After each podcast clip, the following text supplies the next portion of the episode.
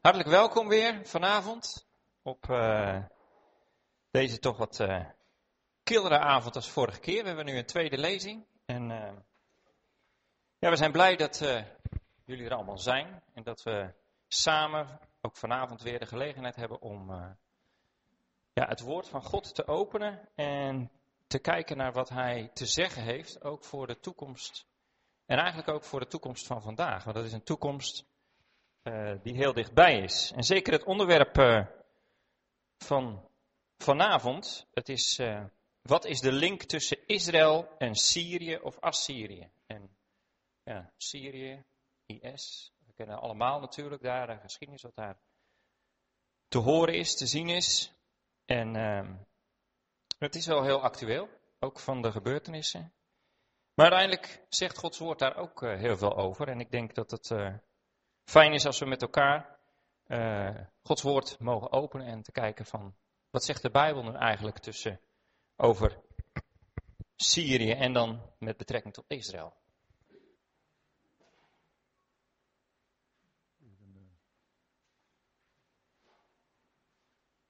Ja, dat is uh, Oost-Soeburg zijn we hier. Het is vandaag de 22e. En we willen vanavond hebben over de link tussen Israël en Syrië Assyrië. Dat betekent dat we ons gaan bezighouden met profetie. Profetie die dit tot doel heeft. Ons te vertellen wie de Heer Jezus Christus als de Messias is. Want het getuigenis van Jezus is de geest van de profetie. Dat lezen we in Openbaring 19, vers 10b. Als we over de toekomst spreken, dan kunnen we over een heleboel dingen spreken, over een heleboel landen, over een heleboel gebeurtenissen.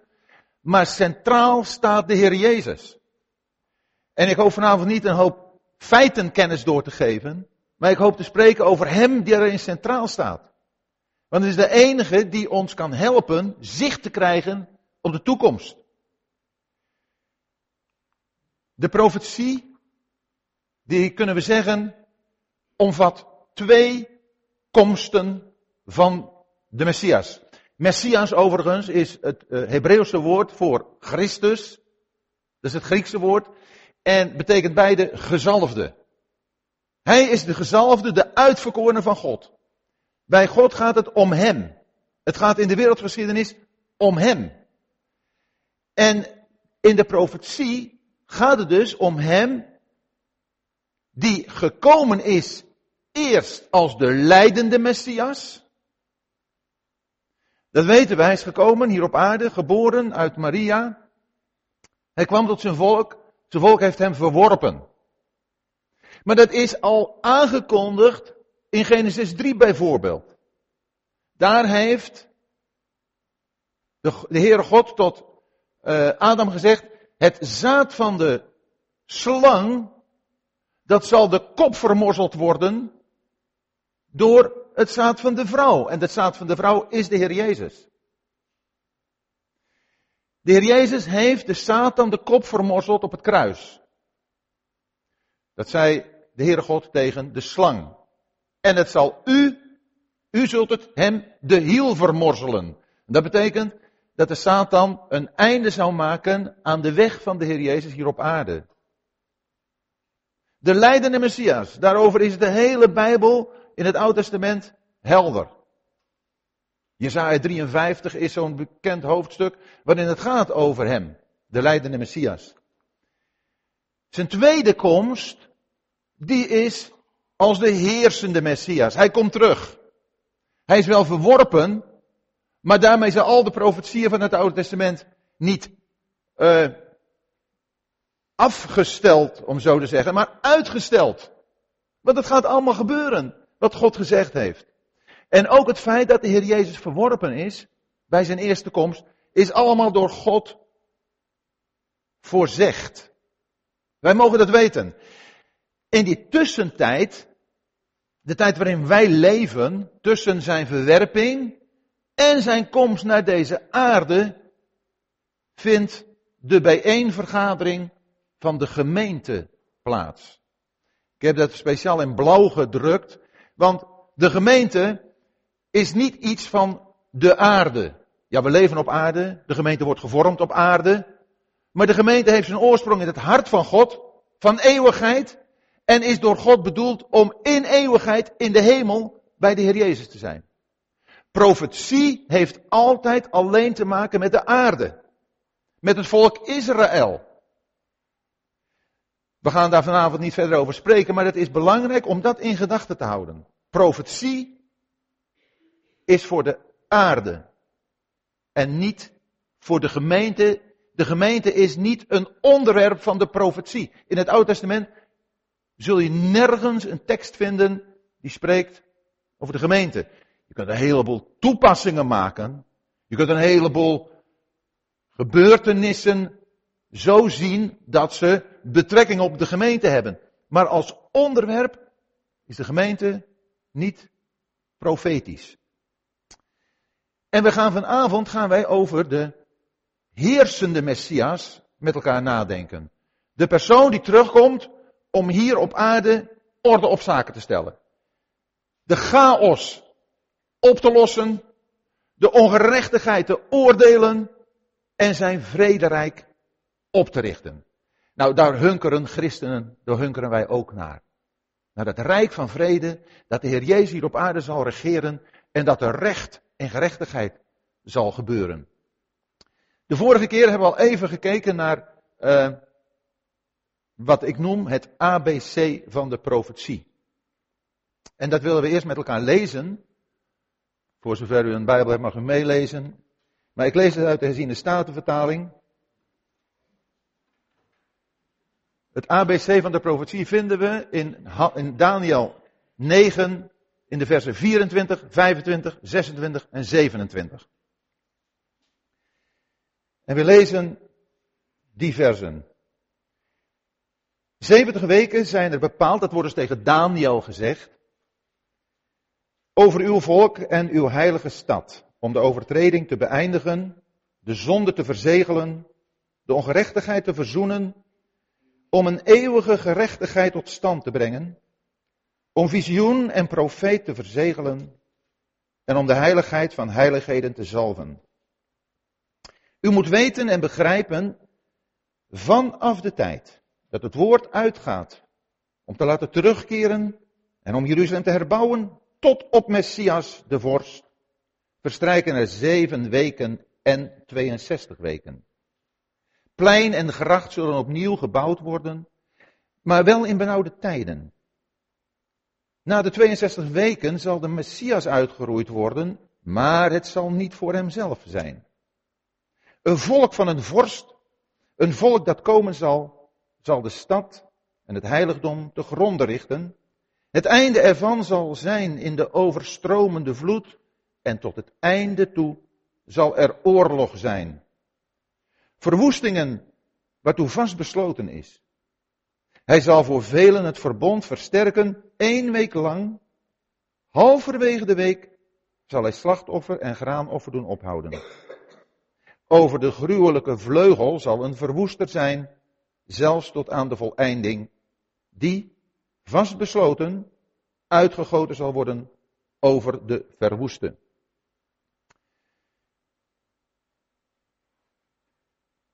Om dit te begrijpen is niet intellectuele kennis nodig.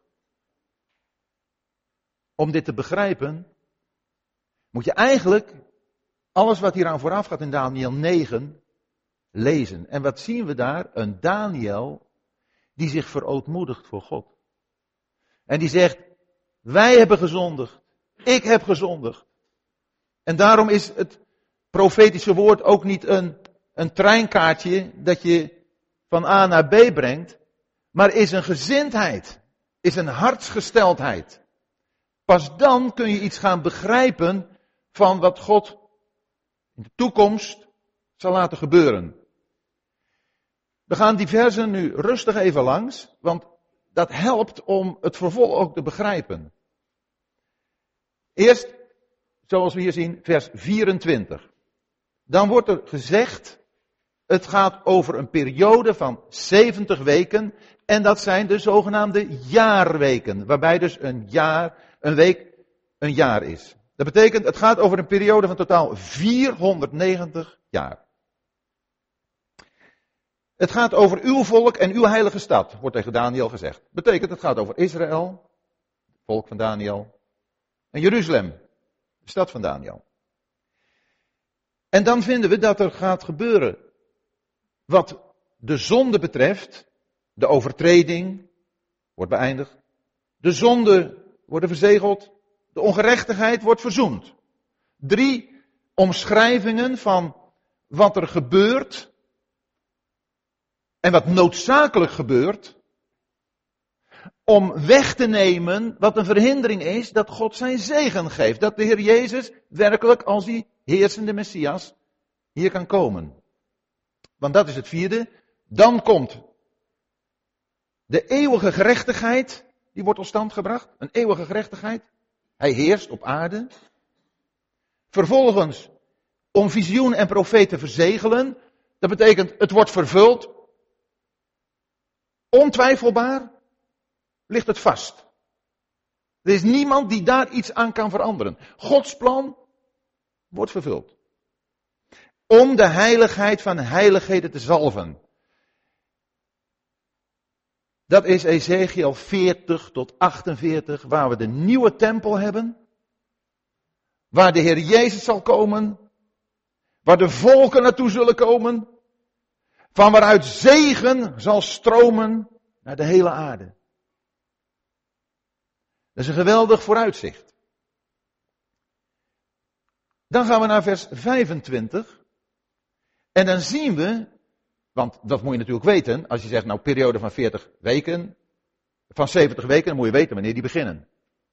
Nou, dat staat in vers 24. U moet weten en begrijpen van de tijd dat het woord uitgaat om te laten terugkeren en om Jeruzalem te herbouwen.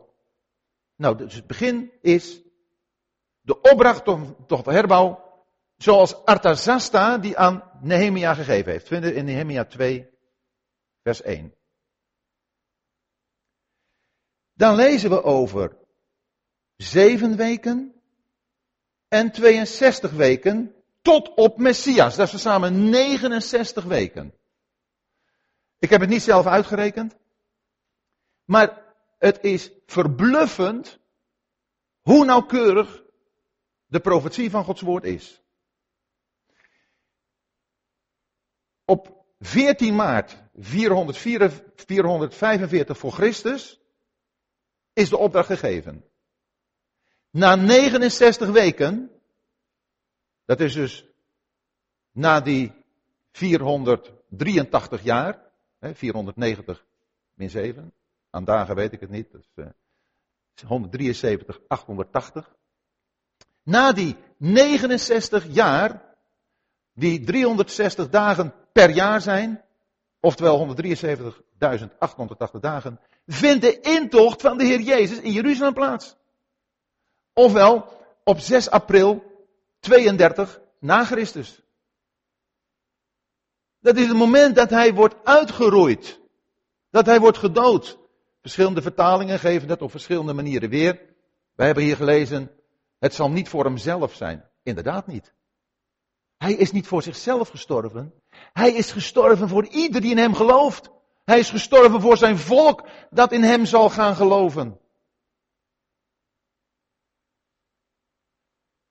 Dan vinden we dat dus na die 69 weken de Messias uitgeroeid is, waardoor die 70ste jaarweek niet kon plaatsvinden.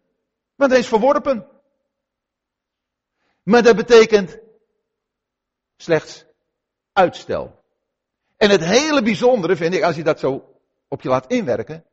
Kijk, God, is al even gezegd ook in de introductie, God wordt door niets verrast.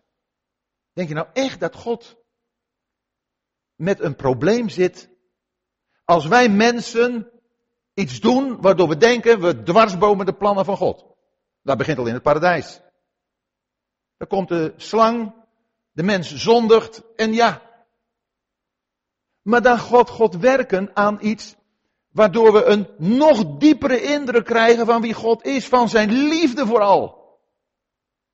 Van zijn wijsheid, van zijn almacht, van zijn bestuur, Van dat hij echt alles in de hand heeft. Het vrederijk komt. Het is slechts uitgesteld.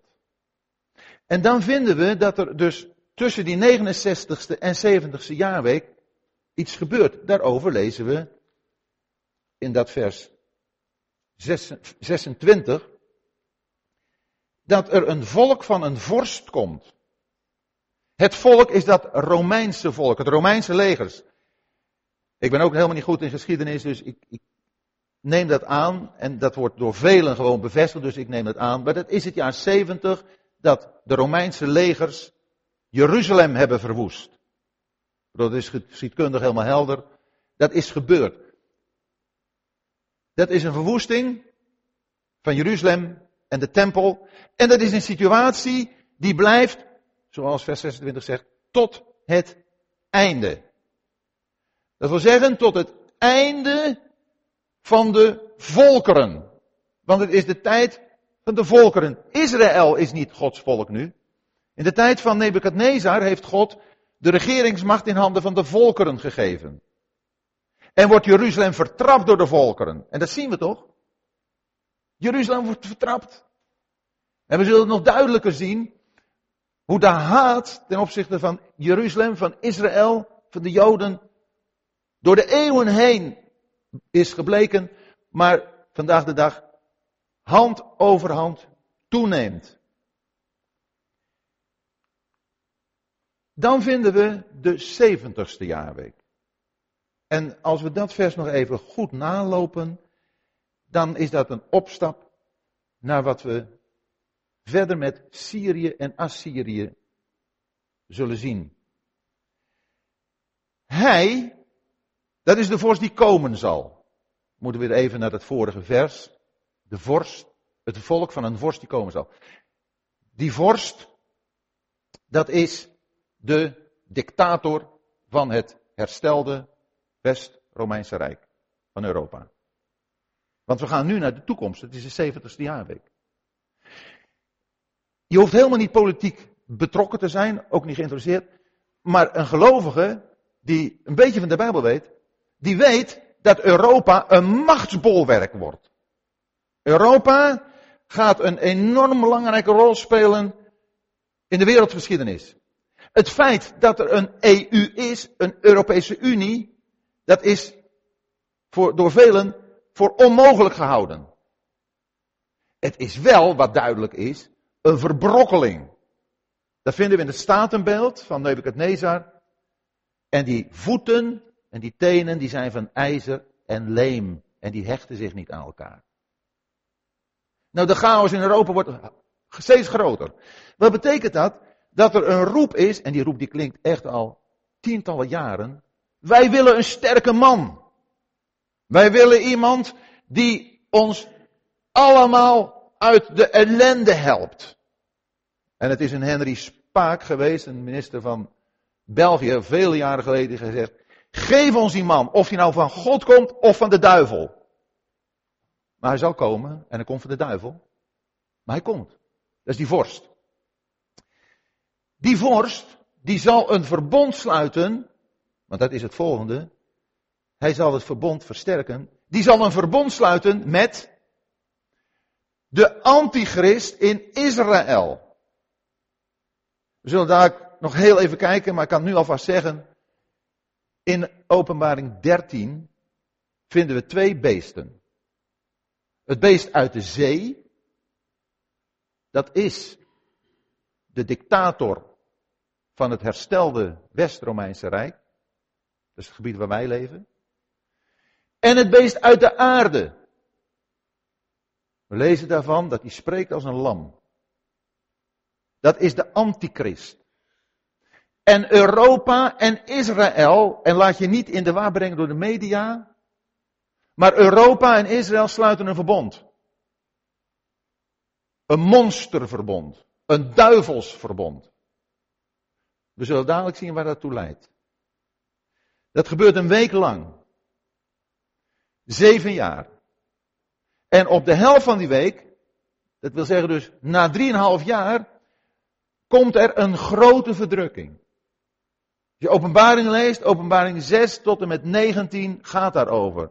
Verschrikkelijke rampen en plagen. Nee, we zien daar de voorboden van, de, de schaduwen. Het is al heel erg, maar het valt in het niet met wat er dan gaat gebeuren. Dit verbond, dat wordt gebruikt de helft van de week door in Israël te verbieden dat er aan God wordt geofferd. Graanoffer, slachtoffer mag niet meer gebracht worden. Dan is er sprake van een gruwelijke verwoesting. Van een gruwelijke vleugel. Wat is een vleugel? Een vleugel, dat is waar je je veilig onder voelt, waar je bescherming voelt. God heeft ook vleugels. De Heer Jezus heeft gezegd, hoe vaak heb ik jullie niet willen bijeenvergaderen zoals een hen de kuikens onder haar vleugels. Het is geweldig als je onder de vleugels van God, onder de vleugels van de Heer Jezus mag schuilen. Maar hier is een gruwelijke vleugel. En een gruwel is altijd een beeld van een afgod. En talloze mensen nemen hun toevlucht, willen schuilen onder de vleugels van een afgod. En dat gaan we in openbaring 13 zien. Dat zien we in 2 Thessalonicenzen 2. Daar vindt in de tempel een verschrikkelijke afgodendienst plaats. Er wordt een afgod geplaatst. En daar zoeken de Joden, de massa van de afvallige Joden, hun toevlucht bij. En dat brengt Gods oordeel over dat volk. Dan komt de Assyriër, Syrië, de koning van het noorden. Drie namen die nagenoeg elkaar dekken. In het Oude Testament vind je in Jesaja 10 dat Assyrië de tuchtroede van God genoemd wordt voor zijn volk. En in het boek Jesaja vind je regelmatig Assyrië genoemd. Dat is de trotse Assyriër, de Sanherib. Die zegt, wie is God? En de Assyrië die volgt zijn eigen plannen en die houdt geen rekening met God. Maar zoals gezegd, God staat daarboven. God gebruikt de Assyriër als een tuchtroede voor zijn volk. Maar omdat de Assyriër zo vermetel is om zich tegen God te verheffen en te spreken alsof hij God is, wordt hij door God geoordeeld. Vinden we in het Oude Testament. En dat indrukwekkende verhaal, als ze Jeruzalem hebben omsingeld, dan gaat er een engel van God, die legers door, en gaat er in één nacht 185.000 Assyriërs, die worden gedood. Gewoon een engel. In één nacht 185.000. 105. Dat is gewoon, dat is God. En zo gaat hij de Assyrië van de toekomst ook oordelen. En dat oordeel dat over Jeruzalem komt vanwege de Assyriër, dat zal die verwoesting van Jeruzalem onontkoombaar maken. En Jeruzalem totaal verwoesten. De verwoeste, dat is Jeruzalem. De koning van het noorden, zoals gezegd, die uh, heeft een bepaalde plaats in de grote verdrukking. Die grote verdrukking begint, als we openbaring 12 lezen, op een moment dat de Satan uit de hemel wordt geworpen. De Satan heeft nu nog toegang in de hemel, hè? dat weten we toch? Bijvoorbeeld in het boek Job. Daar vind je hoe de Satan Job bij God aanklaagt. God wijst de Satan wel op Job hoor. Heb je ook acht geslagen door mijn knecht Job? Ja, zegt Satan.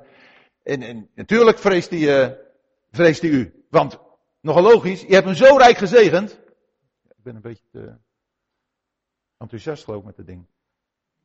Je hebt hem zo rijk gezegend, geen, geen wonder dat hij uh, u vreest. En dan geeft God hem de gelegenheid om van Job alles af te nemen. Maar God zet de grens. Denk erom, je blijft van zijn leven af. Komt Satan nog een keer, Job 2. En hetzelfde. Ja, maar luister eens. Hij is nog gezond, hè? Van lijf en leden. Goed, zegt God. je mag met hem doen wat je wilt, maar je blijft van zijn leven af. En dan slaat de Satan hem met verschrikkelijke zweren. En ook met een verschrikkelijke ziekte. En ook zijn vrouw keert zich tegen hem. Dat is verschrikkelijk. Maar God bepaalt wat er gebeurt. Na Job 2 is de Satan uitgepraat. En Job is daar ook in een beeld van Israël in de grote verdrukking. En dan vind je in Job 3 en vervolgens hoe Job worstelt met God. En hoe de vrienden van Job die hem willen helpen en, en willen zeggen van joh, eh, moet je luisteren, je hebt uh, verschrikkelijk te lijden. Dat betekent natuurlijk dat je een geweldige zondaar bent. Nou, dat is nou echt de vriendendienst, maar niet heus dus. God heeft zijn plan met Job. En aan het eind van het boek Job zegt God tegen Elifas, jullie hebben niet recht van mij gesproken zoals mijn knecht Job. En Job heeft zo geworsteld. Job heeft met de vuist naar de hemel gebald. Job heeft van, God, waar ben je? Want Job zijn probleem was eigenlijk hetzelfde. De vrienden zeiden, Job, jij lijdt, je hebt gezondigd. En Job zegt, ja, ik lijd, maar ik heb niet gezondigd, dus, ja, betekent dat God onrechtvaardig is. En die worsteling zal in de grote verdrukking door het gelovig overblijfsel van Israël beleefd worden. En, en als toepassing, veel gelovigen vandaag de dag maken dat mee. Dat ze zich afvragen, God, waarom moet ik dit meemaken? Maar God bepaalt de grens. 1 Korinthe 10 vers 13 zegt dat God niet zal verzoeken boven vermogen. De grote verdrukking. Die veroorzaakt wordt door de val van Satan. En die twee beesten hebben het over gehad. Die een, een verschrikkelijk verbond met elkaar aangaan. En dan zien we dat de koning van het noorden, de Assyriër, Israël overstroomt. Die gaat Israël overvallen. Door God zo gebruikt. En daarachter zit Rusland. Daar ga ik niet zo verder over zeggen natuurlijk, want we hopen dat, dan kun je volgende keer weer terugkomen, een volgende keer nader te zien hoe Rusland ook in dit geheel een duidelijke rol speelt. Nu even een plaatje om het een en ander duidelijk te maken. We hebben de koning van het noorden en de koning van het zuiden. Ik ga eerst nog wat voorlezen uit Daniel 11.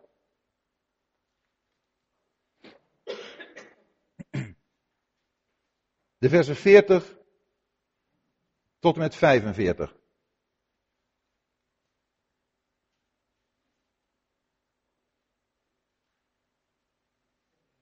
Daniel 11, vers 40, waar we lezen, dan zal in de tijd van het einde, dus dat is die eindtijd, de koning van het zuiden, dat is Egypte, want we moeten uitgaan van Israël, dus ten zuiden van Israël ligt Egypte.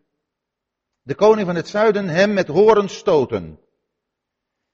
En de koning van het noorden zal op hem aanstormen met wagens, met ruiters en met vele schepen. Hij zal de landen binnentrekken, ze overspoelen. Ik heb het woord al een paar keer gebruikt, maar het, het gaat echt over spoelen. En volkeren worden ook vergeleken met wateren. Bruisende wateren. En zo zal de Assyriër, die zal die landen binnentrekken en overspoelen. Hij zal het sieraadland binnentrekken. Dat is Israël. En vele landen zullen struikelen. Maar deze zijn het die aan zijn hand zullen ontkomen: Edom, Moab en de voornaamste van de zonen van Ammon. Hij zal zijn hand tegen de landen uitstrekken. Ook voor het land Egypte is er geen ontkomen aan.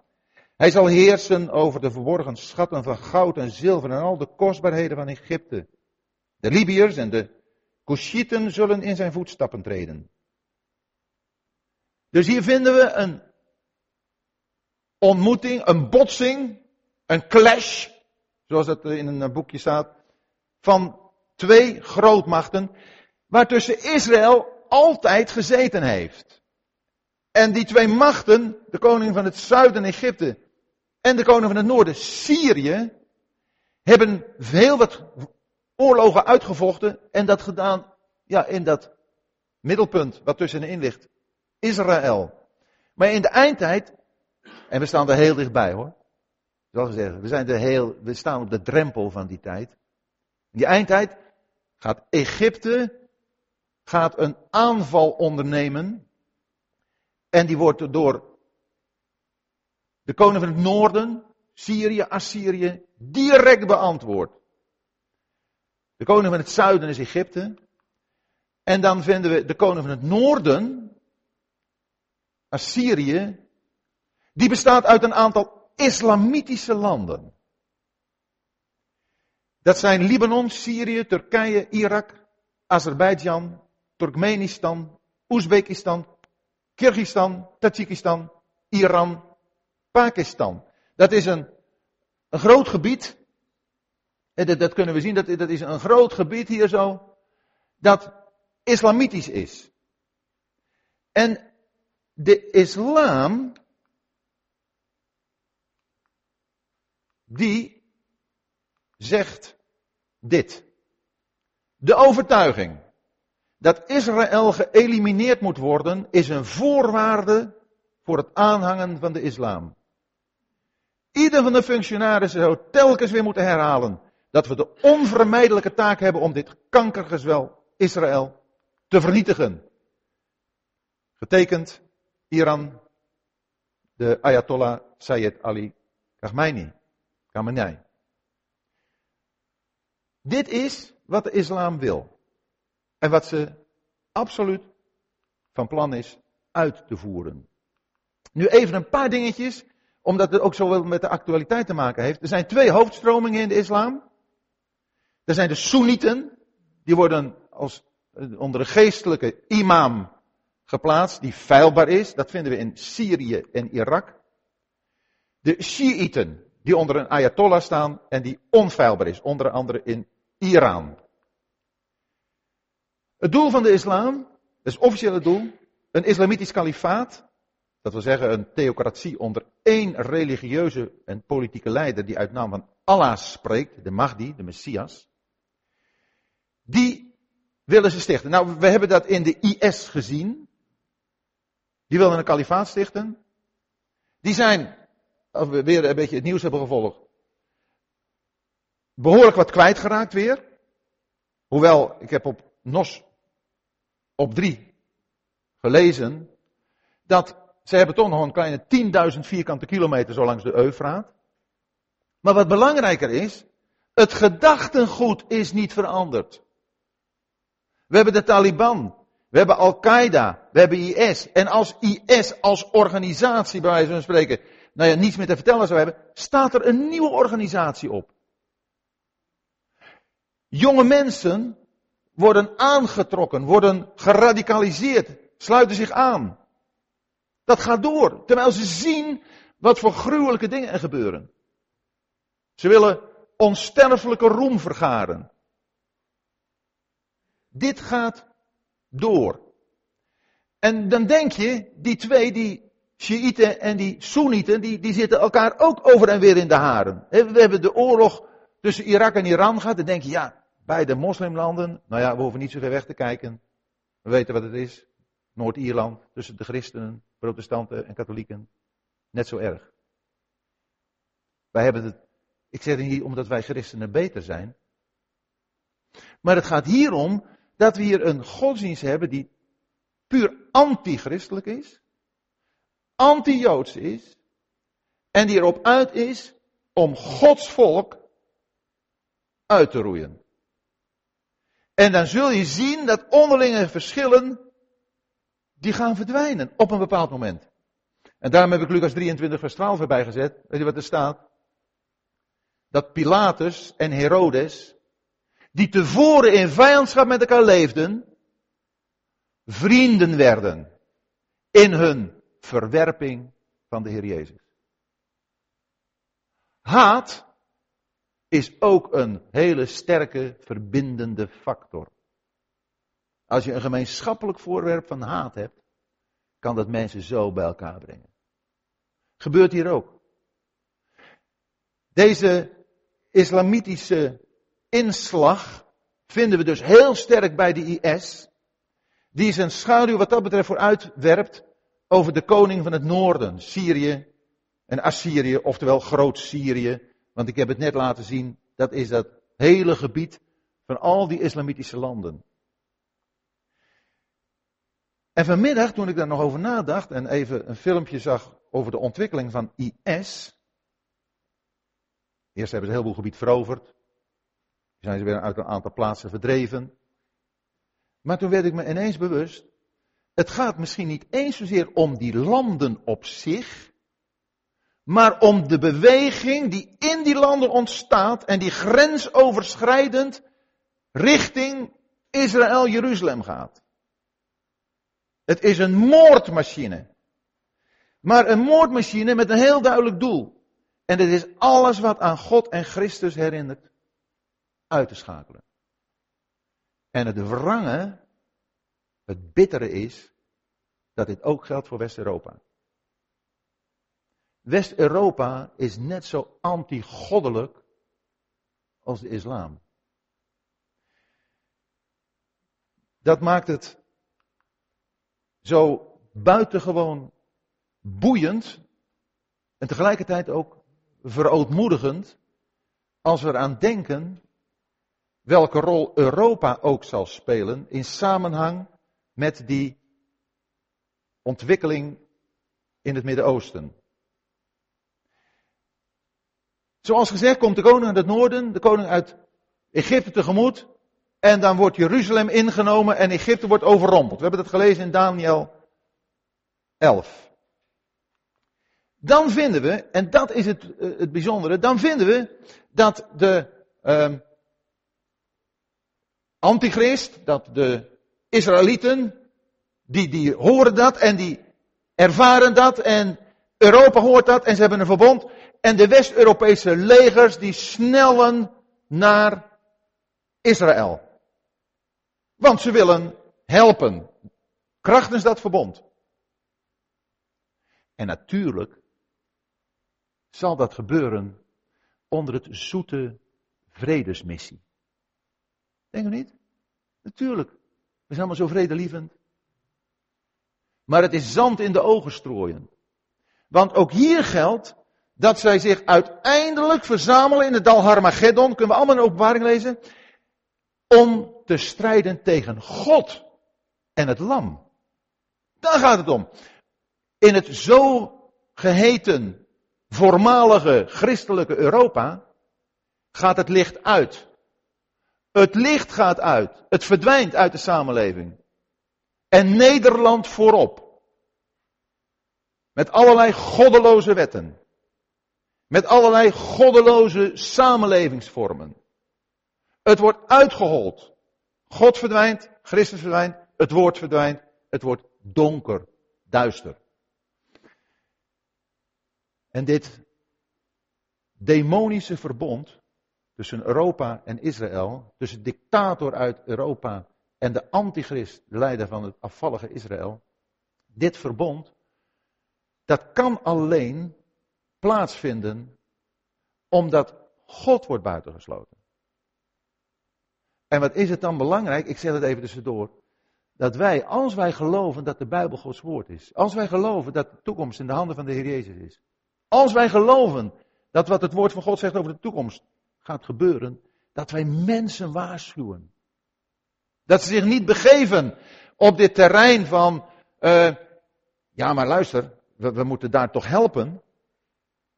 Het gaat tegen God en Christus. De grote vraag is altijd, wat denk je over de Christus? Daar gaat het om. En dan moeten we het woord kennen.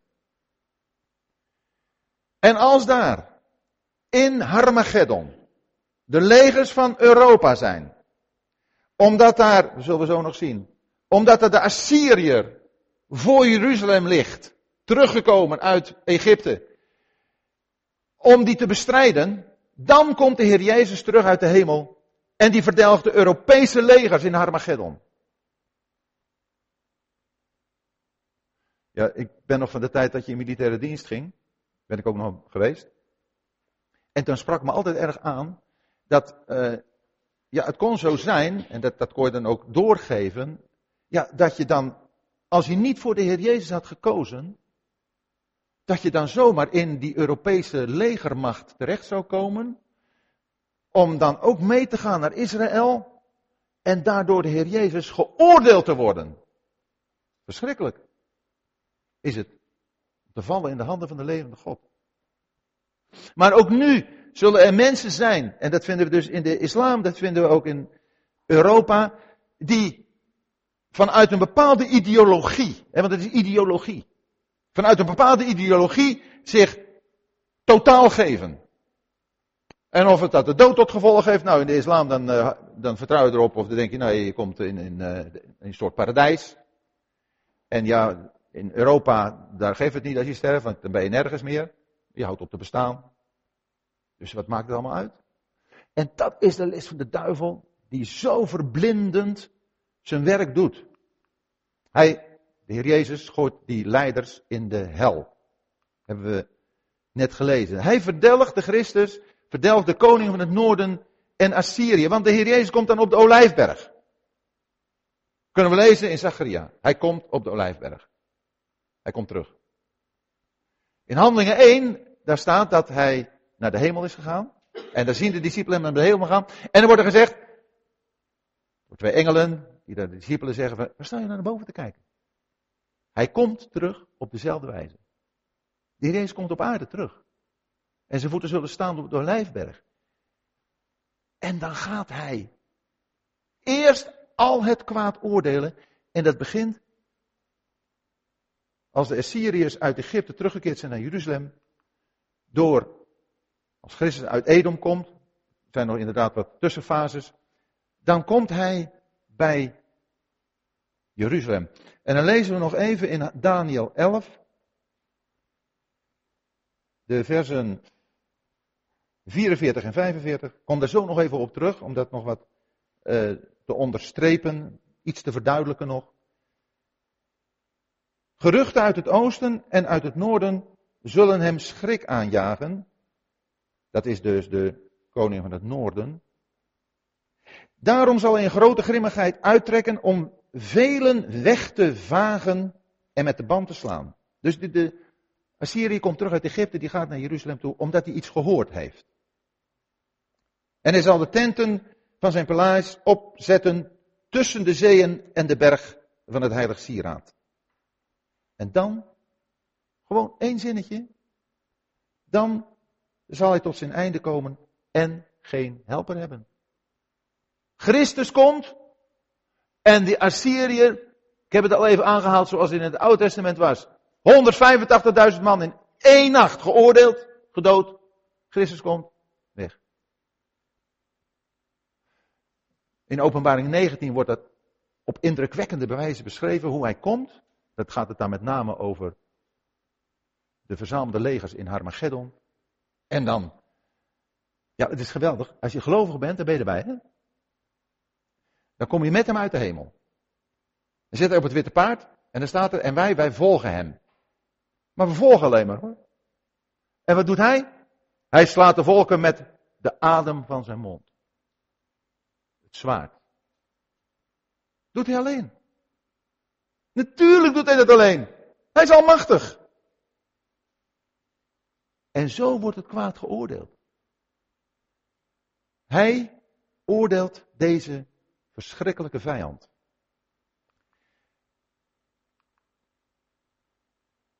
En nu wil ik nog even kort herhalen, aan de hand van een plaatje ook, een paar plaatjes. Wat we hebben gelezen in Daniel 11, vers 40 en 41. Daar hebben we gezien dat hij, de koning van het noorden, dus uh, op die koning van het zuiden zal aanstormen met wagens en ruiters. Even terug. Want dat is hier dus Israël. En hij komt over zee met schepen en hij komt over land.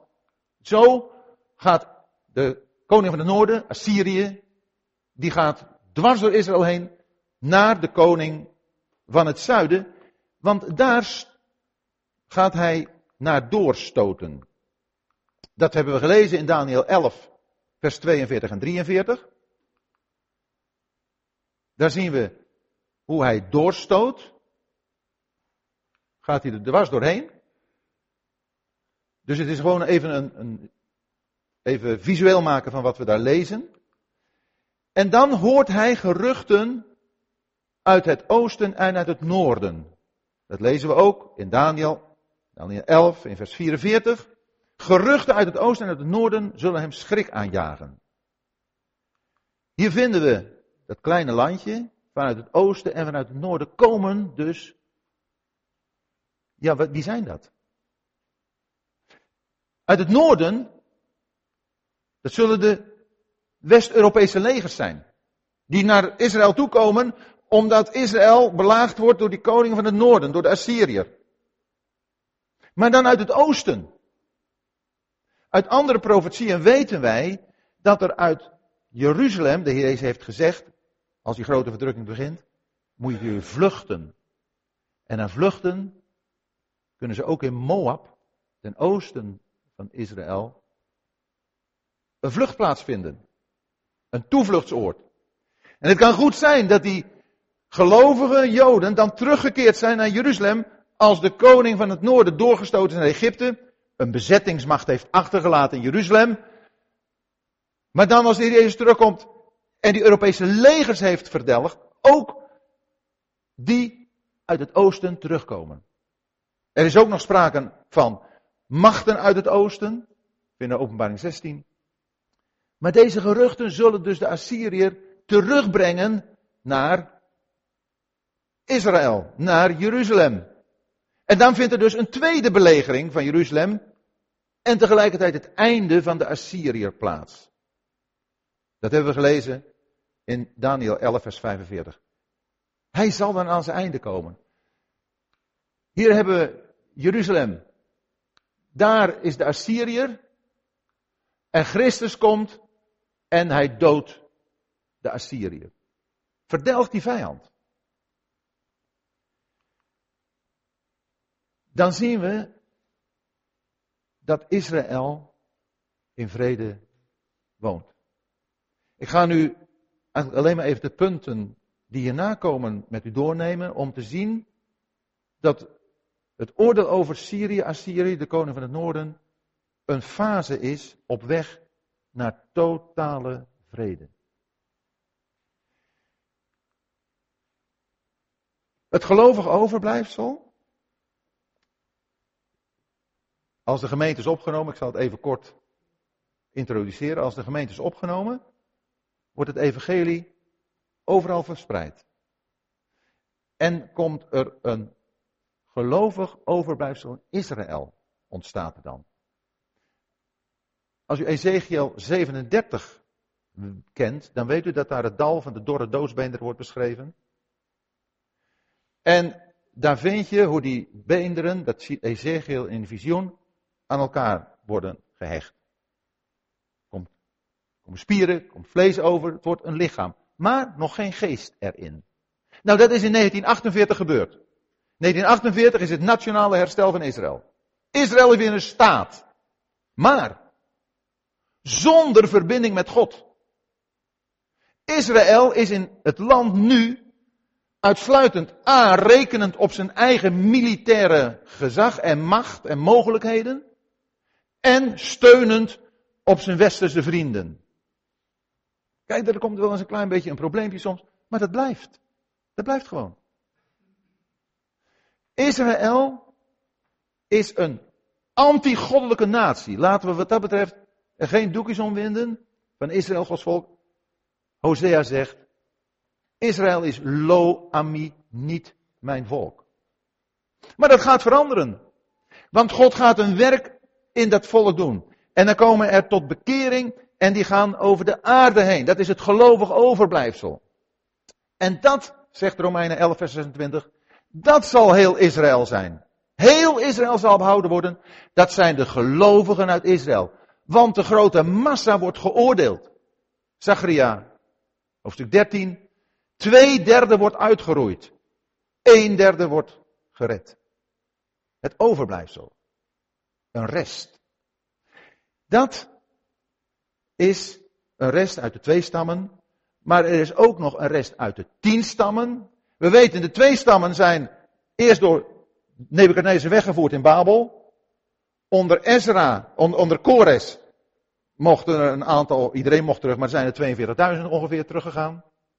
Die hebben de Messias verwacht en verworpen. Het tienstammenrijk was al eerder weggevoerd door de Assyriërs in de verstrooiing. Die tien stammen, die worden, als de gemeente is opgenomen, in de volkerenwereld geoordeeld. En de gelovigen uit de tien stammen komen terug. En samen met de twee stammen zullen de tien stammen weer terug zijn in het land en daar als één volk wonen. Geweldig. Onder één koning, de Heer Jezus. Hij komt en gaat regeren. En ze zullen in vrede en veilig in het land zijn. Dat kunnen we lezen in Ezekiel 37 aan het eind. Dan vinden we nog dat aspect van Rusland. Want als het volk in vrede in zijn land woont, dan lezen we in Ezekiel 38, 39, dat dan Rusland zijn kans schoon ziet en denkt, dit volk woont daar zonder bescherming, we trekken erop af. En even voor, het, uh, voor de helderheid, dit is niet de koning van het noorden, Rusland. Wordt heel veel verward. Maar als je Ezekiel 38, 39 leest, dan wordt er gesproken over het verre noorden. Direct ten noorden van Israël is Syrië. Het verre noorden, dat is Rusland. En we zien het, als je het nieuws een beetje volgt, dus misschien toch maar even doen soms. Dan zie je hoe Rusland continu daar bezig is.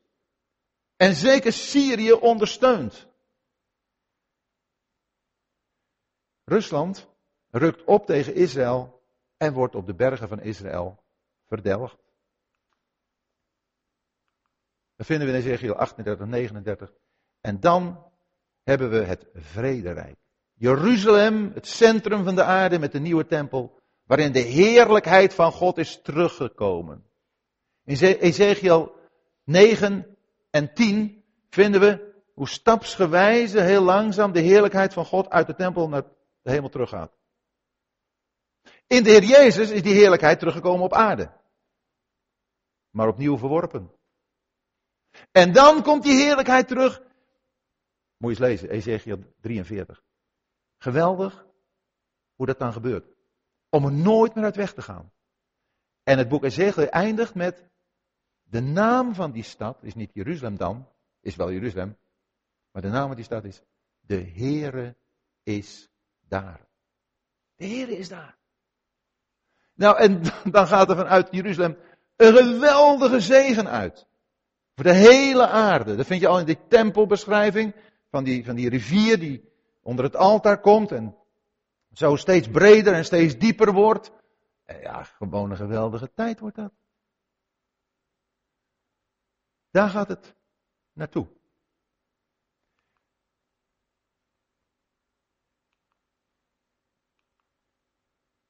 Bescherming. Bescherming tegen dreiging en terreur. Straks en nu. Want de terreur is er. De dreiging van terreur. Telkens lees je, ja, de, het niveau van dreiging is het, hoogste niveau. Alles in staat van paraatheid. IS is niet uitgeroeid. Het gedachtegoed leeft. En we wachten gewoon op de volgende aanslag. En waar zal die zijn? Maakt het ons wat uit? Het is voor ons niet zo dat wij zeggen, als je daarbij om zou komen, je was op de verkeerde tijd op de verkeerde plaats. Het wordt dan wel gezegd. Hè? Voor een kind van God, die is nooit, ja je kunt wel, als je niet in de weg van de Heer bent, op de verkeerde plaats zijn. Op de verkeerde tijd. Maar wij hebben niets te vrezen. Waarom zouden wij bang zijn voor waar de wereld bang voor, terecht bang voor is? Als je die profetische reden in Lucas 21 van de Heer Jezus leest, dan staat er, er is radeloze angst onder de volkeren. Die is er ook. En natuurlijk, hè, onze minister-president Mark Rutte, die loopt altijd lachend door het leven. Ja, zo kan het ook. Maar in wezen lach je de problemen weg. Of je lacht er dus niet weg. Want ze blijven. En ze worden heftiger. Steeds heftiger. En wat is nu voor ons de oplossing om niet bang te zijn? En met de jeugd zongen wij vroeger altijd, omdat hij leeft, ben ik niet bang voor morgen. Omdat hij leeft, mijn vrees is weg. Je kunt eens zeggen. Of we hebben het toch diep in ons toch een beetje die angst. Het hoeft niet. De volmaakte liefde drijft de vrees uit. Wat is die volmaakte liefde? De volmaakte liefde is die van God, geopenbaard in zijn Zoon Jezus Christus. Daar zie ik het. Daar zie ik het oordeel over mijn zonden. En dat is de geweldige boodschap die ik mag doorgeven aan het eind. Een koning zal regeren in gerechtigheid. En vorsten zullen heersen overeenkomstig het recht. Waar vind je dat nu? Is er één vorst op aarde voor wie dit geldt? Absoluut recht. Het is corruptie overal. En het zaaien van angst. En een cultuur van onderdrukking. Deze koning, hij zal regeren in gerechtigheid. En al die ministers, om zo te zeggen, die doen allemaal heersen overeenkomstig het recht. En dan dit geweldige woord. Die man zal zijn als een beschutting tegen de wind. Een schuilplaats tegen de vloed. Als waterbeken in een dorre streek. Als de schaduw van een zware rots in een dorstig land. Ik hoop zo dat iedereen daar van harte mee kan instemmen. En als dat nog niet zo is, neem je toevlucht tot de Heer Jezus. Tot die rots. Tot die beschutting. Tot die schuilplaats. Hij garandeert absolute vrede. Dan ga je niet meer bang zijn voor alle dreigingen van IS of wat voor aard dan ook. Want het kan ook je buurman zijn, je buurvrouw. Er is zoveel ellende in de wereld door burenruzie. En er kan ook heel wat gebeuren. Want we denken nu even aan het grote plaatje. Maar hoe gaat het op de werkvloer? Hoe gaat het op school? Waar gepest wordt? Hoe worden mensen, hoe worden kinderen gepest? En met die nieuwe media, die inmiddels al een beetje ouder geworden zijn nu, maar met die nieuwe media worden kinderen vermoord geestelijk vermoord. En waar vinden we de gezinnen waar dit plaatsvindt? Waar geborgenheid is, waar liefde is, waar kinderen zich thuis en veilig voelen, geaccepteerd. Waar vinden we dat? We kunnen het alleen geven als wij zelf die schuilplaats, die beschutting bij die man hebben gevonden.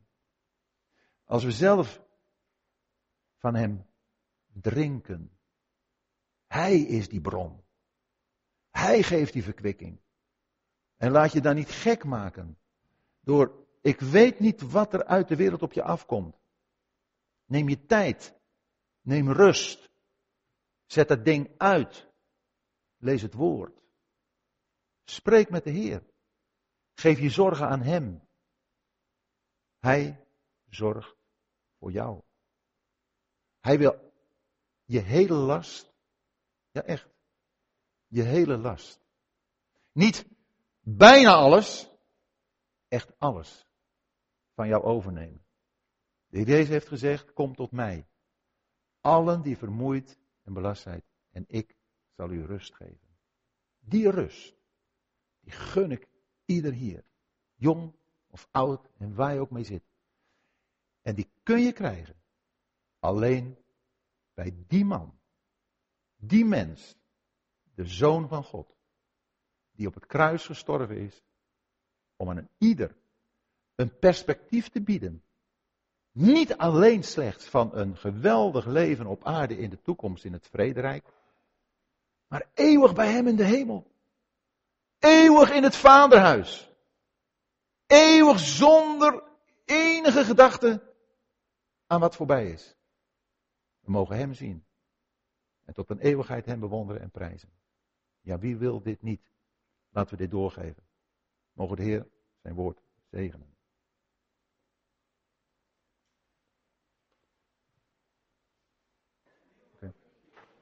Dan is er nu nog even gelegenheid om uh, vragen te stellen, vragen te beantwoorden. En ik denk dat er misschien wat vragen op papier gekomen zijn. Of... Ik heb uh, geen vragen op papier gekregen. Wie heeft er een mondelinge vraag? Dat mag ook.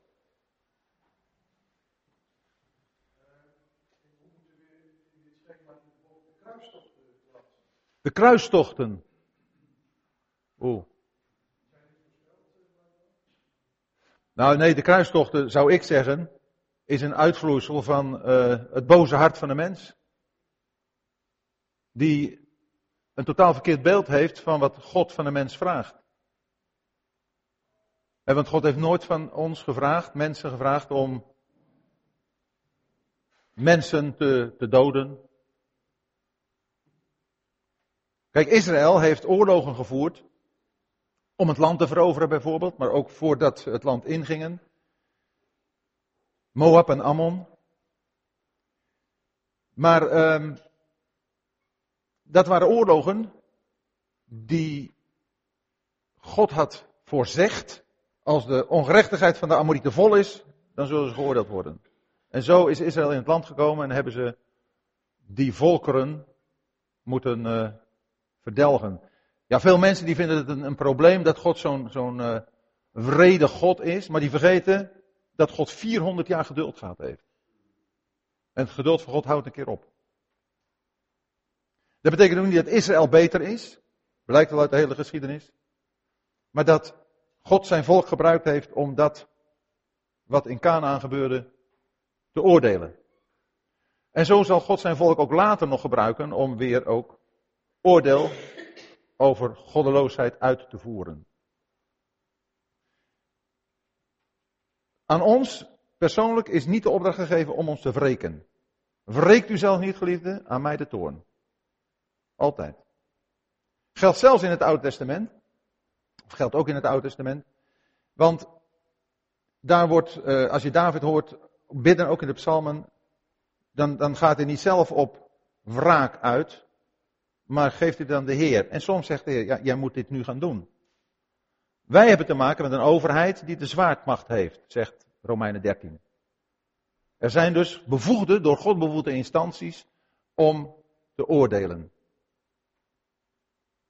dus, uh, dus het gaat om die, uh, die soort kruistochten, dan denk ik dat dat geen enkele basis in de Bijbel heeft.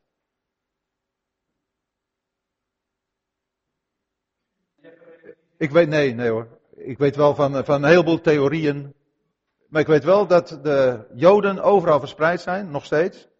En dat vanaf eind de jaren 1800 vanuit Rusland ook veel Joden teruggegaan zijn. dus uh, dat is nog steeds, nog steeds. Ja. Dus die, die Joden die nu nog in de verstrooiing zitten en die weten dat ze Jood zijn, ja, die hebben echt een groot verlangen om terug te gaan. Soms worden ze ook teruggestuurd, maar in het algemeen willen ze toch wel terug. Omdat het ook in de omstandigheden waarin ze zijn. Kijk, in Nederland hebben we ook Joden. maar uh, nogmaals, dat zijn allemaal uh, mensen die uh, wel orthodox Jood kunnen zijn, maar geen leven uit God hebben. Daarom is het ook belangrijk dat er in Israël nu het evangelie wordt verkondigd. En er zijn ook groepen die zeggen, ja, oh, Joden moet je het evangelie aan verkondigen. Maar dat is onzin. Ook een Jood heeft het evangelie nodig. Ja, ja. Maar goed, dat, is dan omdat God ons heeft uitverkoren. Maar we kunnen ook niet zeggen dat we nou zo'n geweldig voorbeeld voor de Joden zijn. Als we ook. Uh, ja. Maar we kunnen wel vanuit ons persoonlijk leven getuigen van wie de Heer Jezus is. En dat wil hij ook voor de Jood zijn. Ja. Zij willen Israël hebben omdat ze hebben we ook even gezien, dat, dat leeft nu nog steeds sterk in de islam. Israël is een kankergezwel. Maar dat haten ze omdat het Gods volk is. En die haat is al net zo oud als het het volk is. Israël, dat is heel opmerkelijk natuurlijk als je het woord leest, maar ook als je dus de, de actualiteit wat volgt, volgt. Elk volk heeft bestaansrecht, behalve Israël. Israël mag er niet zijn. Maar dat is natuurlijk niet omdat het Israël is, maar omdat het Gods volk is. En omdat de Messias van Israël uit Israël is gekomen.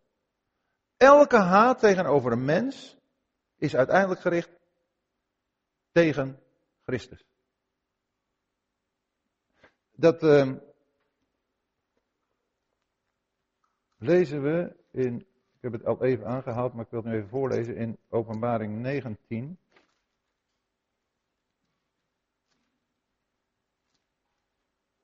Nee, het is Openbaring 17. In Openbaring 17, vers 13. En daar gaat het ook over Europa. Voor te ver om daar nu verder op in te gaan, maar daar, we hebben het er al even over gehad, dat Europa zal Israël gaan helpen en in Harmageddon komen en daardoor de Heer Jezus worden geoordeeld. Maar wat is er, wat staat er in openbaring 17 vers 14? Ze gaan niet oorlog voeren tegen de Assyriërs. Er staat in openbaring 17 vers 14, deze zullen oorlog voeren tegen het lam.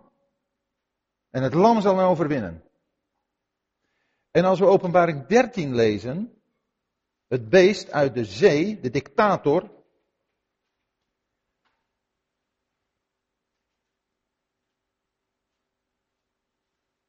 Dan lezen we in vers 4 van de draak dat hij aanbeden wordt, het beest. Ze aanbaden de draak, ze aanbaden het beest. Wie is aan het beest gelijk? Wie kan er oorlog tegen gevoeren? En dan in vers 5. En hem werd een mond gegeven die grote en lasteringen, grote dingen en lasteringen sprak. En hem werd gezag gegeven om te handelen. 42 maanden, hè, 42 maanden is 3,5 jaar. Tijd van de grote verdrukking. En dan staat er, en hij opende zijn mond tot lasteringen tegen God.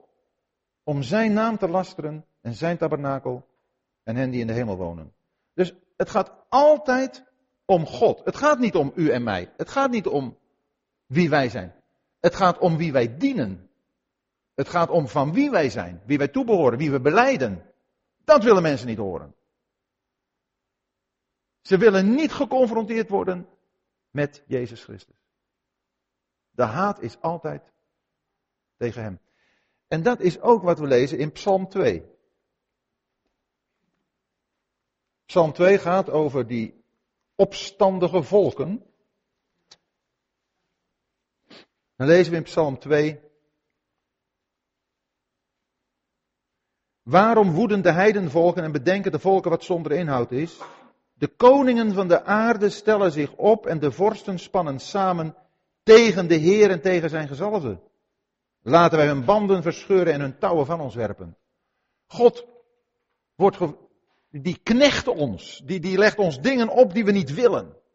Nou, in, in Nederland worden de banden volledig verscheurd en weggeworpen.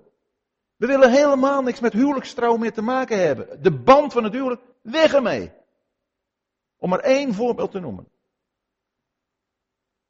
Alles wat God heeft gezegd in zijn woord, dat wordt gewoon verworpen. En hier lezen we in Psalm 2, het is tegen God gericht. Elke gedachte aan God wordt niet alleen maar naar de zijkant van de samenleving gedrongen, maar wordt gewoon uit de samenleving verwijderd. Het wordt over de rand van het bestaan gekieperd. De individuele vrijheid op alle terreinen, dat is waar wij voor staan in Nederland. Ik, ik en nog eens ik. En wat het ook is, maar je hebt mij te accepteren zoals ik ben. En als jij kunt dienen voor mijn behoeftenbevrediging, in welke sector dan ook. heb ik daar het recht op? Dat is de mens zonder God. 2 Timotheus 3. In, in Romeinen 1 hebben we de mens zonder God. Een hele beschrijving hoe de mens zonder God leeft. In 2 Timotheus 3 staan een heleboel van die kenmerken van, zeggen we even, de heidense mens in Romeinen 1. Die worden daar van de christenen gezegd. De christenheid. Want dan gaat het over mensen die beleiden godsvruchten hebben. Zo staat het daar. En dan lees daar onder andere meer liefhebbers van genot dan van God. Dat is de mens ten voet uit vandaag. En als ik niet oppas, en als u niet oppast, als jij niet oppast, ga je daarin mee. Want wat hij, wat zij heeft, wil ik ook. Minimaal jaloersheid, ontevredenheid, als je gaat vergelijken, terwijl het al goed hebt, maar toch niet tevreden zijn. Die onvrede, die komt voort uit die ongebreidelde behoeftenbevrediging en het egoïsme ons eigen is. En dat is zo strijdig met Christus en met de christen die Christus wil uitleven. En als je Christus uitleeft, word je vervolgd. Iedereen die God, de leven, zegt de Timotheus, die zal vervolgd worden. Wij krijgen ook met vervolging te maken. Niet direct misschien gevangenisstraf, hoewel dat kan heel snel gaan. Als je je op een bepaalde manier uitlaat over bepaalde dingen. Dan word je zomaar aangeklaagd. En krijg je gevangenisstraf. En maar waar het om gaat is dat uiteindelijk elke vijandschap niet tegen ons is, maar tegen Christus. En dat is iets, daar zouden we ons over moeten verheugen. Dat is het mooie bij de discipelen, de eerste discipelen in handelingen. Die hebben smaad geleden voor Christus en die waren verheugd, verblijd dat ze smaad hebben verdragen voor Christus. Ja, dat, kennen wij eigenlijk niet. En toch, als wij trouw willen zijn, zullen we er iets van gaan proeven. Eh, het zijn een beetje meewarig kijken, maar misschien ook echt hardop spotten. Of zelfs, ja, dat zie je lichamelijk uh, iets aandoen. Maar het is altijd tegen Christus. Petrus zegt, laat niemand van u lijden als boosdoener. Of als bemoeial. Kijk, dan halen we het onszelf op de hals. Maar als je gesmaad wordt op de naam van Christus, verheug je. Het heeft met ons leven, de praktijk van ons leven te maken. Zien wij, of, of vertonen wij Christus of onszelf?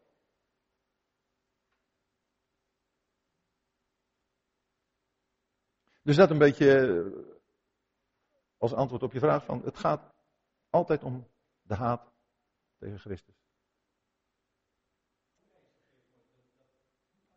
Ja. Maar, ja. maar ook dat is natuurlijk een leugen. Want God heeft het zijn volk gegeven.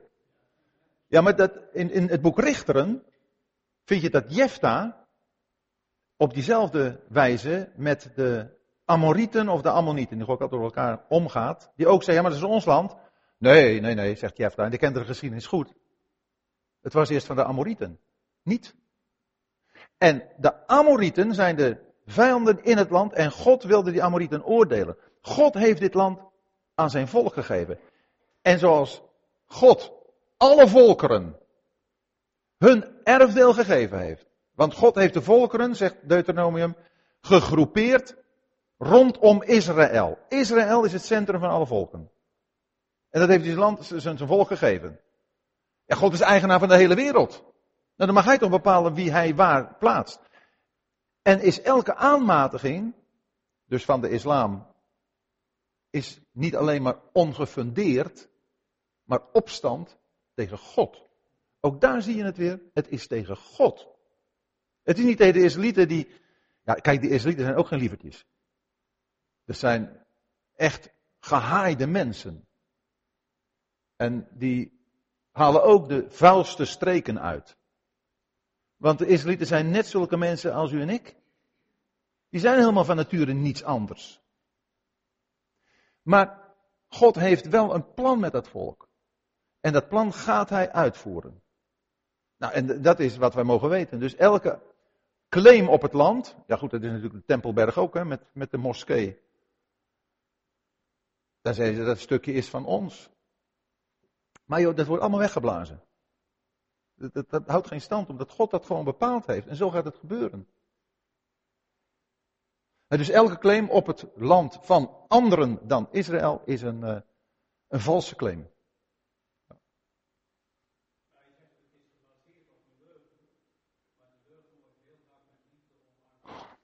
Ja, daar ben ik uh, wel met je eens, ja.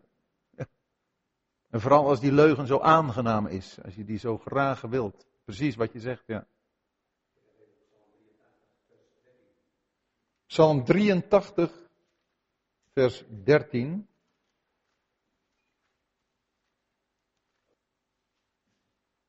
Daar wordt gezegd, dat is in hun hart, laten wij deze woningen van God voor onszelf in bezit nemen. Ja, dat is in het hart van, van die volk eromheen. We vinden in, in, in uh, Psalm 83 een, een antigoddelijke, net zoals Europa tien staten heeft, antigoddelijk. Vinden we in uh, Psalm 83 ook tien volken die dan tegen Israël zijn. Die uh, vinden we in de versen 7 en tot en met 9. Maar dat is inderdaad uh, wat in hun hart is. Wij gaan dit in bezit nemen. En dat vind je heel vaak in de psalmen, maar ook in de hele schrift. Dat mensen in hun hart gewoon overleggen. Oh, God ziet het niet. Of, of God uh, bemoeit zich er niet mee. Wij doen wat wij willen. En dat is al, begint al met de tong. Wij zijn heer over onze tong. Daar begint het al mee. Farao heeft al gezegd, wie is de heer? Ja, dat is de mens van vandaag. Wie is de heer? Wie, wie, Waar bemoeit hij zich mee, als hij er al zou zijn?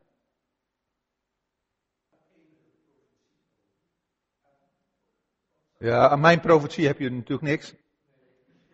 Maar John Piper heeft, als ik het goed heb, laat ik hem even slag om de arm uh, houden, heeft gezegd, Amerika, dat wordt een voetnoot in de geschiedenis. Er is wel gezegd dat in het boek Openbaringen vind je die grote berg, die als een uh, grote vuurberg in de zee wordt geworpen, dat Amerika zou zijn. Ik weet het niet. Voor mij spreekt het meest dat Amerika, en dat is, ja, Europa heb ik dus niks mee, dus je kunt me niet van, uh, hoe heet dat zoiets, weet ik niet precies. Maar Amerika is een dependance van Europa. Het zijn allemaal, allemaal, die hebben allemaal hun wortels in Europa. Nieuw-Zeeland, Australië, zijn allemaal uitgewaaierde uh, van, vanuit Europa. Nou ja, dat zie je in wezen als het gaat om de verbondenheid. Europa, en het goed, nu is er een klein een beetje een deukje in, omdat er een of andere uh, Trump he, zit dus. Maar wij moeten ons niet uh, richten op wat er allemaal zo hier en daar gebeurt. We waren in India. En toen hebben we over het boek Daniel gesproken. En dan denk je, ja, wat zouden die mensen daar nou van vinden? Hè? Want het gaat over Europa. Maar buitengewoon boeiend. Zo boeiend. Wat er toch, kijk, de wereld is natuurlijk toch een beetje een, een klein uh, dorp geworden nu. Dus we horen daar ook wel eens het een en ander over uh, Europa. Ook over Amerika. Maar ook daar kun je over Europa als uh, onderwerp van de profetie enorm veel kwijt. Want je herkent het. Als je het statenbeeld neemt in, in Daniel 2, of die dieren uit de zee in Daniel 7, en, en je verbindt dat met hè, Babel, het Medisch-Persische Rijk, het Grieks-Macedonische en het Romeinse Rijk, dan dat gaat leven. Ook daar. Hoewel India, China, ja, die komen nog minder in de profetie voor. Die zou je kunnen vatten onder de volken uit het oosten, in openbaring 16. Ik heb er even naar verwezen. Ik weet het ook niet zo precies. Maar die komen er helemaal niet voor. Mijn, mijn, uh, het, het, gaat een beetje van ja, Rusland dan, Europa en de Aziatische landen. Vanwege hun islamitische uh, beleidenis. Maar die islamitische beleidenis die vind je ook terug in heel veel uh, landen in Afrika. He, waar door de ja, de netwerkverbindingen nu via internet enorm veel contacten zijn. En heel veel brandhaarden ook. En, en die hebben zich, wat hun uh, ideologie betreft, ja, allemaal op de een of andere manier wat met elkaar verbonden.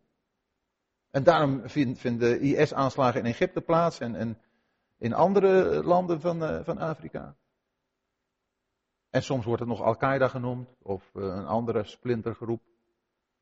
Maar ze hebben ze allemaal op de een of andere manier met elkaar verbonden vanuit die ideologie. Waarbij iedere groep natuurlijk zijn eigen doelen nastreeft. Maar uiteindelijk gaat het om het ontwrichten van de samenleving. En het is een werk van de Satan. De Satan is erop uit om te slachten, te stelen, te slachten en te verderven. Dat doet de duivel, altijd, overal. De demonen, de, de, de Soenieten, Shiiten, die twee uh, takken, hoofdstromingen van, van de islam, die, die regelmatig met elkaar overhoop liggen, die worden allebei door demonische machten aangestuurd. Maar die demonische machten, die zijn het in de bovenwereld, ja onderwereld dus, helemaal met elkaar eens. Demonen hebben onderling geen probleem. Maar die gaan ervan uit om zoveel mogelijk te slachten. En daardoor zetten ze mensen tegen elkaar op. Volken, maar ook huwelijken. Ook gezinnen. Ook geloofsgemeenschappen. Werkgemeenschappen. Overal vind je die invloed, die boze invloed van de demonen. En waar het licht van het evangelie, van het christendom, het helders verschenen heeft, en nu het meest verwijderd wordt, vinden we dat in de sterkste vormen zijn uiting krijgen. Dus ja, ik denk, het eens zo verlichte Europa, Nederland, 31 oktober, dan uh, gaan we geloof ik gedenken. Ik heb er ook niet zoveel mee met die kerkgeschiedenis. Sorry, maar dan dat Luther die, die 95 stellingen aan de deur heeft gespijkerd aan. Waar het om gaat is dat er een persoonlijke bekering komt. Niet terug naar, naar Dort, niet terug naar, naar Darby, niet terug naar, weet ik veel, terug naar de schrift. Gewoon terug naar de schrift. Niet terug naar de Wartburg, naar waar, waar Luther geweest is, terug naar de schrift. Daar gaat het om. We moeten het woord weer gaan lezen. Het woord. En natuurlijk mag je dan leren van mensen die door de Heer gebruikt zijn om bepaalde opwekkingen te, bewerken. Maar het gaat niet om die opwekking, het gaat om het woord. Ik moet persoonlijk in het woord lezen. En dat kun je elkaar in stimuleren en er kunnen ook wel dingen voor gebruikt worden. Maar het gaat om de Heer Jezus. Het gaat om Hem die centraal staat in de hele in het raadsbesluit van God. Daar gaat het om. En als ik Hem lief heb, ga ik lezen. Ga ik het woord lezen. Dat, dat, dat is alles, dat is je eten en drinken. Daar word je door gevormd. En daar ga je dan ook over spreken, daar ga je van getuigen. Het gaat om mensen die nu in de wereld zijn, die voor eeuwig verloren gaan, naar de hel gaan. Als ze zich niet bekeren. Daar moeten we meer van onder de indruk komen. En als we als christenheid, als we ook als geloofsgemeenschap soms wat, wat slap zijn, wat, wat lauw, kunnen we wel persoonlijk vol zijn van de Heer. En dan moeten we elkaar voor aanvuren. En elkaar bemoedigen. Niet, niet beoordelen, niet, niet dingen opleggen, maar aanvuren. Van heb je de Heer Jezus lief? Ben je bekeerd? Ben je een kind van God? Laat het zien. Dat is onze geweldige opdracht. Om mensen om ons heen daarover te vertellen. Zijn we nog vol van Hem? Je kunt een heleboel dingen weten, ook over de toekomst. Maar het gaat erom dat je vol wordt van Hem. En dat je met je buurman, buurvrouw, met je collega, met je medescholieren over Hem spreekt. Daarvoor zijn we hier. Voor niets anders. Alleen maar om van Hem te getuigen. En dat doen we in ons werk. Zonder woorden. Door de manier waarop we werken. Niet om zoveel mogelijk te verdienen. Maar om zo goed mogelijk te werken. Om onze baas tevreden te stellen. Wat we daarvoor krijgen is mooi meegenomen. Maar geld moet helemaal niet belangrijk zijn. Het gaat om je trouw in je werk. Dat wordt beloond. Niet je banksaldo. Dat laat je achter. En daar kunnen ze alleen maar ruzie over maken, dus kun je ook beter vooruit sturen. Het gaat erom dat je voor de Heer leeft. En inzet alles wat je daarvoor hebt. Van Hem gekregen. Ja, en ik kan alleen maar zeggen, dit is machtig leven. Het is zo'n machtig mooi leven. Het wordt steeds mooier. Het wordt steeds mooier. Nou, en, en daar elkaar maar voor in, uh, voor, voor aansporen. Van, we hebben nog even. De tijd is kort. Dat weten we. We staan op de drempel van de komst. We hebben nog even. De tijd is kort. En dat is zo mooi. We leven toch nog dan in een land waar het kan. Nou, ik denk als, als voor deze avond, voor mezelf ook. We denken, joh, kom, de tijd is kort, de Heer komt spoedig, we weten weer het een ander. Maar ja, ik, ik wil toch mensen die op mijn weg komen, die wil ik dat gaan vertellen. Ieder mens die je tegenkomt, waarvan je voelt, kijk, je, je kunt niet zo plomp weg met iedereen. Hoewel, soms zijn we ook een beetje te, benauwd hoor. Maar een mens die je tegenkomt op de een of andere manier, is een mens die God op je pad stuurt. Waarvoor? Ja, om toch iets van hem door te geven. Wat dan ook. Ik bedoel, het kan een, een, een vriendelijk woord zijn, het kan een, hulp bieden zijn, het, het kan van alles zijn, maar iets van de Heer Jezus doorgeven. Dat is echt. Uh... Ja, dit is gewoon geweldig. Als je de Heer kent, dan, dan wil je niet liever. Want je wilt dat anderen dat ook kennen. We zijn toch rijk? Ja, we kunnen het hier allemaal elkaar zingen. We zijn zo rijk. Heer, hoe rijk zijn wij in u? Geef het dan door. Deel het uit. Arme mensen. Johan Schep, bekend, jullie, meester? Stuur me een mailtje. Wat voor boodschap zou jij aan ons geestelijk arme Nederland willen doorgeven in 27 minuten tijd die ik heb om voor Family 7 wat door te geven? Nou, denk er maar over na. Ga ik niet zeggen wat ik gezegd heb.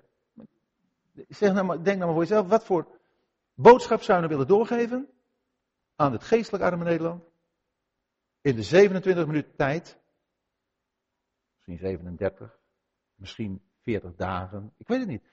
De tijd die we nog hebben. Wat, wat wil je doorgeven? Wat wil je doorgeven? Nou ja, goed, misschien dan kan ik daarmee besluiten. Met die vraag ook aan mezelf. Het is mij gesteld. Maar ook aan ons. Wat willen we doorgeven? Denk maar over na. We zijn hier nog. Kansen genoeg. Grijp toch de kansen. Door God u gegeven. Had je dat al opgezocht? Ik wil nog even wijzen op de website. Oude Sporen. Daar staan de commentaren uh, allemaal vrij beschikbaar voor de download. Dus hoef je niet te kopen. Je ziet, het gaat me helemaal niet om verkoop van boeken. Maar er zijn helemaal mensen die lezen liever een boek dan dat ze de website van. Dus daar hebben we het voor. Maar met uitzondering van psalmen en hooglied zijn over alle Bijbelboeken commentaren beschikbaar om te stimuleren. In het lezen van het woord, in het uitdragen van het woord. Goed, hartelijk bedankt voor jullie uh, aandacht.